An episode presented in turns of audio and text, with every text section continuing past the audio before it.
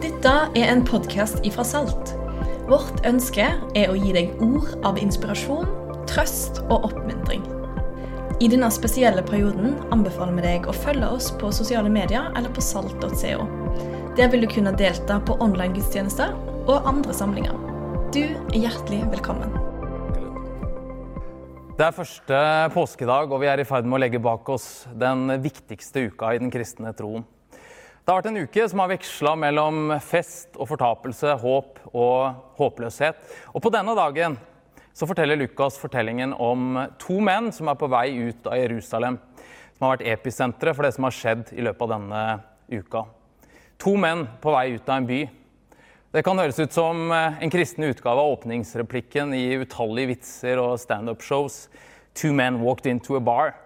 Men denne fortellingen er ikke en vits, og den er ikke engang morsom. For Grunnen til at disse mennene er på vei ut fra Jerusalem, det er at de har vært i byen, og i tre år så har de fulgt Jesus Kristus. En religiøs leder som har gått omkring, gjort godt, helbredet syke, gitt verdighet til undertrykte. Og også utfordret makteliten ved å hevde at et nytt rike er på vei. Og nå er de på vei ut av byen, fordi i løpet av den siste uka så har de religiøse lederne slått seg sammen med den romerske okkupasjonsmakta. De har tatt Jesus til fange, de har korsfestet han. Nå er det På fredag så var det de la han i graven. Nå har det blitt søndag. Jerusalem har blitt et farlig sted, og nå er de på vei ut av byen. Lukas skriver om dette her i sitt 24. kapittel, og vi leser samme dag var to disipler på vei til en landsby som heter Emmaus, 60 stadier fra Jerusalem. De snakket sammen om det som hadde skjedd, og mens de nå snakket sammen og drøftet dette, kom Jesus selv og slo følge med dem. Men øynene deres ble hindret i å se, så de ikke kjente ham igjen. Han sa da til dem, hva er det dere går og snakker så ivrig om? De stanset og så bedrøvet opp. Og den ene, han som het Kleopas, svarte, du må være den eneste tilreisende i Jerusalem som ikke vet hva som har hendt i disse dager. Hva da? spurte han. Det med Jesus fra Nasaret, svarte de. Han var en profet, mektig i ord og gjerning for Gud og hele folket, men våre overprester og rådsherrer utleverte ham og fikk ham dømt til døden og korsfestet ham. Og vi som hadde håpet at det var han som skulle befri Israel. Dessuten, i dag er det alt tredje dagen siden dette hendte, og nå har også noen kvinner blant oss gjort oss forvirret. De gikk ut til graven tidlig i morges, men de fant ikke kroppen hans. De kom tilbake og fortalte at de hadde sett et syn av engler som sa at han lever. Noen av våre gikk da til graven, og de fant det slik som kvinnen hadde sagt, men ham selv så de ikke. De er på vei til en by som heter Emmaus, leser vi, som er 60 stadier utenfor Jerusalem. Og På veien så går de og prater om alt det som har skjedd. Og de får god tid til å prate, for 60 stadier det er omtrent ei mil. Det gir vel et par timer å gå og prate sammen. Du rekker å si en del på denne tida. Lukas skriver at de skal til Emmaus, men saken er vel heller at de kanskje skal fra Jerusalem. For Emmaus er ikke et sted du drar til.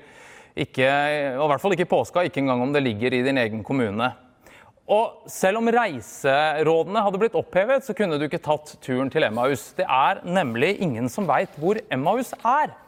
Helt siden antikken så har teologer og bibeltolkere forsøkt å finne ut hvor er dette stedet. Og det er en masse teorier, men det er ingen enighet om hvor Emmaus ligger. Emmaus er stedet vi ikke veit hvor er, men som vi likevel alle kjenner. Vi kan ikke peke det ut på et kart, men vi har alle vært der mange ganger. For Emmaus er stedet vi drar når livet rakner. Når håpet blåses ut, når omstendighetene blir vanskelig å takle. Emmaus kan være et sted der vi driver med destruktive vaner eller skjult synd. Det kan være et sted vi flykter til hvor vi verken har ansvar eller forpliktelser. Eller det kan være et sted av selvmedlidenhet, av bitterhet. Det kan være tusen andre steder. Uansett så er det ikke saken at Emmaus har så veldig mye å by på, annet enn at det ligger tilstrekkelig langt unna nederlag og skuffelser. Og nå er disiplene på vei til Emmaus, og på veien får de følge av en fremmed. Teksten sier jo at de ikke vet hvem det er. Det er som det er et skjell foran øya på dem. De ser ikke at det er Jesus. Men et og annet skjønner de jo på det som skjer. For det første at det ikke er en nordmann de møter, for han snakker jo med fremmede. For det andre at denne karen tilsynelatende ikke har så veldig gode sosiale antenner. For han avbryter og begynner å blande seg inn i en fortrolig samtale for å spørre hva de snakker om. Og sannsynligvis har han ikke antenner i det hele tatt, for han er åpenbart den minst informerte personen i hele landsdelen, og han må ha brutt karantene karantenereglene og dratt på hytta uten internett og DAB-radio. For han begynner å spørre hva er det som har skjedd. Og for å liksom bli kvitt dette plagsomme uromomentet, så begynner jo disse gutta å gi han et kort handlingsreferat om hva som har skjedd. De snakker litt om hvem Jesus var, hva som har skjedd i Jerusalem. Og så kommer vi til det ømmeste punktet i hele fortellingen. Hvor de sier at eh, vi som hadde håpet at han var den som skulle befri Israel. Ernst Hemingway, nobelprisvinner i litteratur og forfatter, var kjent for å ha en veldig kort og konsis skrivestil.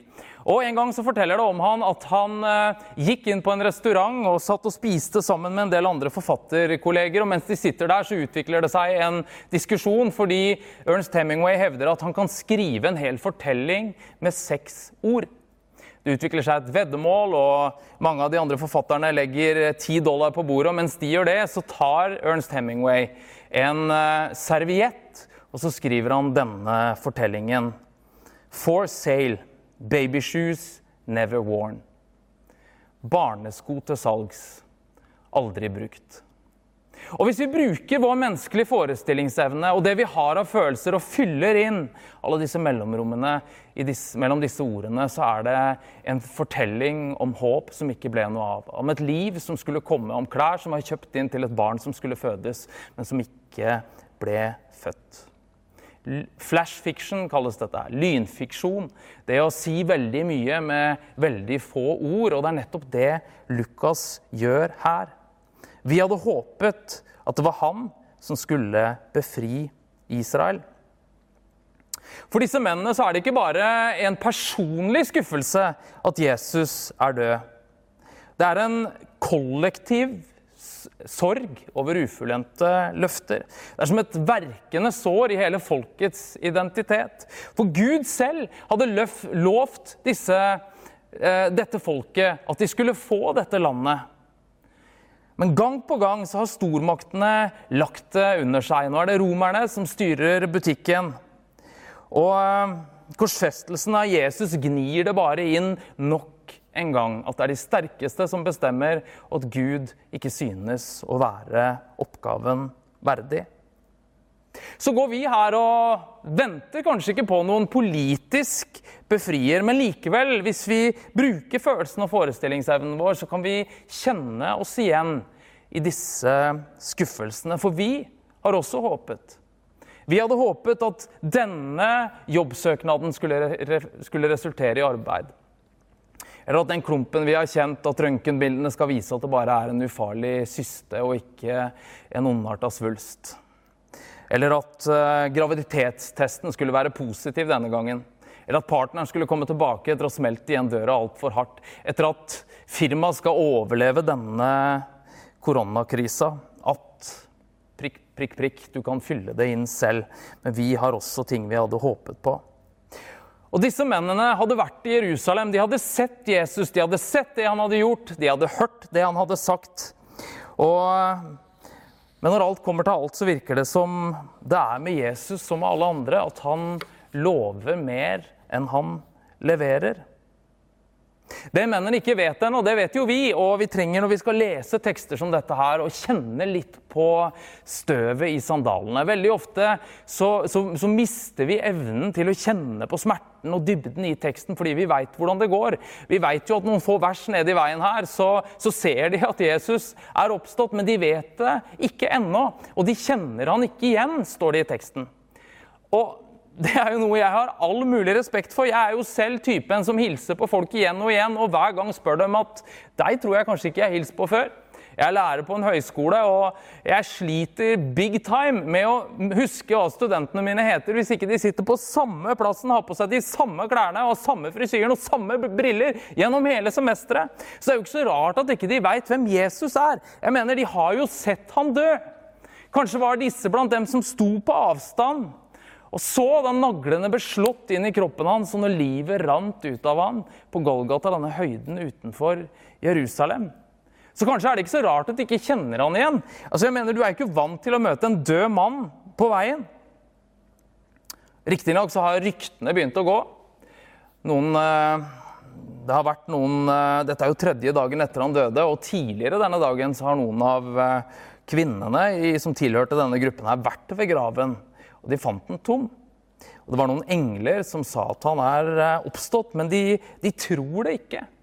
De trodde det var løst snakk, står det. De tror ikke ryktene, og nå vet de ikke De ser ikke at det er Jesus som går der sammen med dem. Men Jesus ser dem. Og jeg syns dette er interessant at første gang vi hører Jesus si noen ting etter sin oppstandelse i Lukas, så er det nettopp som et spørsmål. Det er ikke liksom han som oh, 'Jeg er oppstanden', kysser ringen, men det er Jesus som kommer til dem og spør hva er det dere går og snakker så ivrig om. Det taler høyt om en Gud som kommer nær oss, og som er interessert i hvordan livene våre er. De har fulgt ham. Nå er det han som følger dem. Han spør om deres tanker, og han lytter til deres smerte og frustrasjon. Men så gjør han mer enn det. Og I deres motløshet og i deres bedrøvelse så viser han dem at ting er ikke sånn som de ser ut. For Lukas sier videre at da sa han til dem, så uforstandige dere er, så trege til å tro alt det profeten har sagt. Måtte ikke Messias lide dette og så gå inn i sin herlighet? Og han begynte å utlegge for dem det som står om ham i alle skriftene, helt fra Moses av og alle profetene. Han viser dem at det som har skjedd hele tiden, har vært Guds plan for å redde verden. At døden var veien til livet, og at korset ikke var slutten, men starten på en ny begynnelse. Og at håpet ikke er slukket, men det har blitt tent. Og Senere samme kvelden så er det som han drar bort gardina foran øya deres, så de ser hvem han egentlig er. Og Lukas skriver da ble øynene deres åpnet, så de kjente ham igjen. Men han blei usynlig for dem. Det er jo morsomt dette her, at akkurat når de ser hvem han er, så forsvinner han. Det er liksom som, gammelt, eh, som en gammel eh, reise-TV på, på, hytta, for de som husker det. Liksom, du måtte stille inn antenna for å få inn noen signaler, og akkurat når du fikk satt deg igjen, så forsvant det. Men akkurat når de ser han, så forsvinner Jesus. Men så sier de, da sa de til hverandre, brant ikke hjertet i oss da han talte til oss på veien og åpnet Skriftene for oss? Og de brøt opp med en gang og vendte tilbake til Jerusalem. De som litt tidligere gikk ut av byen skuffede, desillusjonerte, bedrøvet, de går nå tilbake til byen, fulle av tro, frimodighet og håp. For de har møtt den oppstandende Herren, og nå har de gode nyheter å fortelle. Jeg vet ikke hvordan denne fortellingen treffer deg. Om det er ting du flykter fra, eller ting du rømmer til. Om eh, du nå sitter og tenker på noen eller noe som har skuffa deg, eller kanskje kjenner du ikke at denne fortellingen har så veldig mye med deg å gjøre i det hele tatt. Eller kanskje er det med oss også, som med disse to mennene som går ut av Jerusalem på vei til eh, Emmaus at Jesus kanskje går sammen med oss, men vi har liksom ikke språk og syn for å se at han er der. Og så har vi hørt nok reklame og nok skryt av at livet vårt skal bli så mye bedre. Vi har hørt om mobiltelefoner som forandrer alt, eller dovask som liksom skal gjøre det til en fest å gå på do, eller hudkrem som skal få det til å, å lyse av oss fordi vi fortjener det. Og så er vi Vi har prøvd alt sammen. Been there, done that, got the T-shirt. Og vi gidder ikke og orker ikke å bli skuffa en gang til. Men jeg har lyst til å si med dem som skrev disse fortellingene, og med millioner av kristne opp igjennom fortellingen, at dette virkelig forandrer alt. At Jesus kommer oss i møte der vi er, men enda mer at han gir oss et nytt referansepunkt for hvordan vi kan forstå oss selv og livene vi lever. Disse kvinnene som tidligere på dagen hadde vært i hagen og funnet en tom grav, de møtte også to engler som sa, 'Hvorfor søker dere den levende blant de døde?' Han er ikke her. Han er stått opp. Og den tomme graven er som et vindu inn i en ny verden. Den er ikke bare noe vi ser på, men den er noe vi ser gjennom. Og i den så finner vi ser vi et glimt inn av en ny verden og et nytt håp. Og Her kan vi finne både håp og trøst og styrke til å skape en ny verden i Jesu navn. C.S. Lewis, den kristne forfatteren, har skrevet bl.a. Narnia-bøkene. På en minnetavle om han i Westminster Abbey så står et av sitatene hans. og Der sier han sånn som dette her. I believe in Christianity as I believe that the sun has risen. Not only because I see it, but because by it I see everything else. Jeg tror på den kristne troen. Ikke bare fordi på samme måte som jeg tror at solen har stått opp, ikke bare fordi at jeg ser den, men fordi på grunn av den og ved den så ser jeg alt mulig annet. Oppstandelsen, at Jesus ikke bare er død, men at han lever, er solen som gjør at vi ser alt annet i nytt lys. Påskemorgen slokker virkelig sorgen. Og jeg har lyst til å invitere deg nå til å se både deg selv og hele verden i lys av dette håpet. Og jeg har lyst til å be for deg som eh, kanskje har hørt fortellingen om Jesus, og kanskje tror du det også, men du opplever akkurat som disse mennene at det kan godt hende at Jesus er der, men du kjenner ham ikke igjen. Og jeg har lyst til å be for deg at øynene dine skal bli åpna. At du skal kjenne at han som går med deg, også er nær deg. At han er oppstanden og har overvunnet døden. Men mest av alt så har jeg lyst til å si til deg, som kanskje egentlig aldri har opplevd Guds kjærlighet, som kanskje aldri egentlig har invitert Jesus inn i livet ditt. Og har lyst til å oppfordre deg i dag, der du sitter, enten det er foran PC-en eller foran TV-en din, eller om du sitter i bilen, til å ta et steg nærmere Jesus. Til å stille deg i dette lyset som gjør alle ting nye. Og mens vi nå er samlet rundt TV-er eller PC-er eller mobiltelefoner, så har jeg lyst til at du skal si med meg noe så enkelt som at Jesus, jeg gir livet mitt til deg.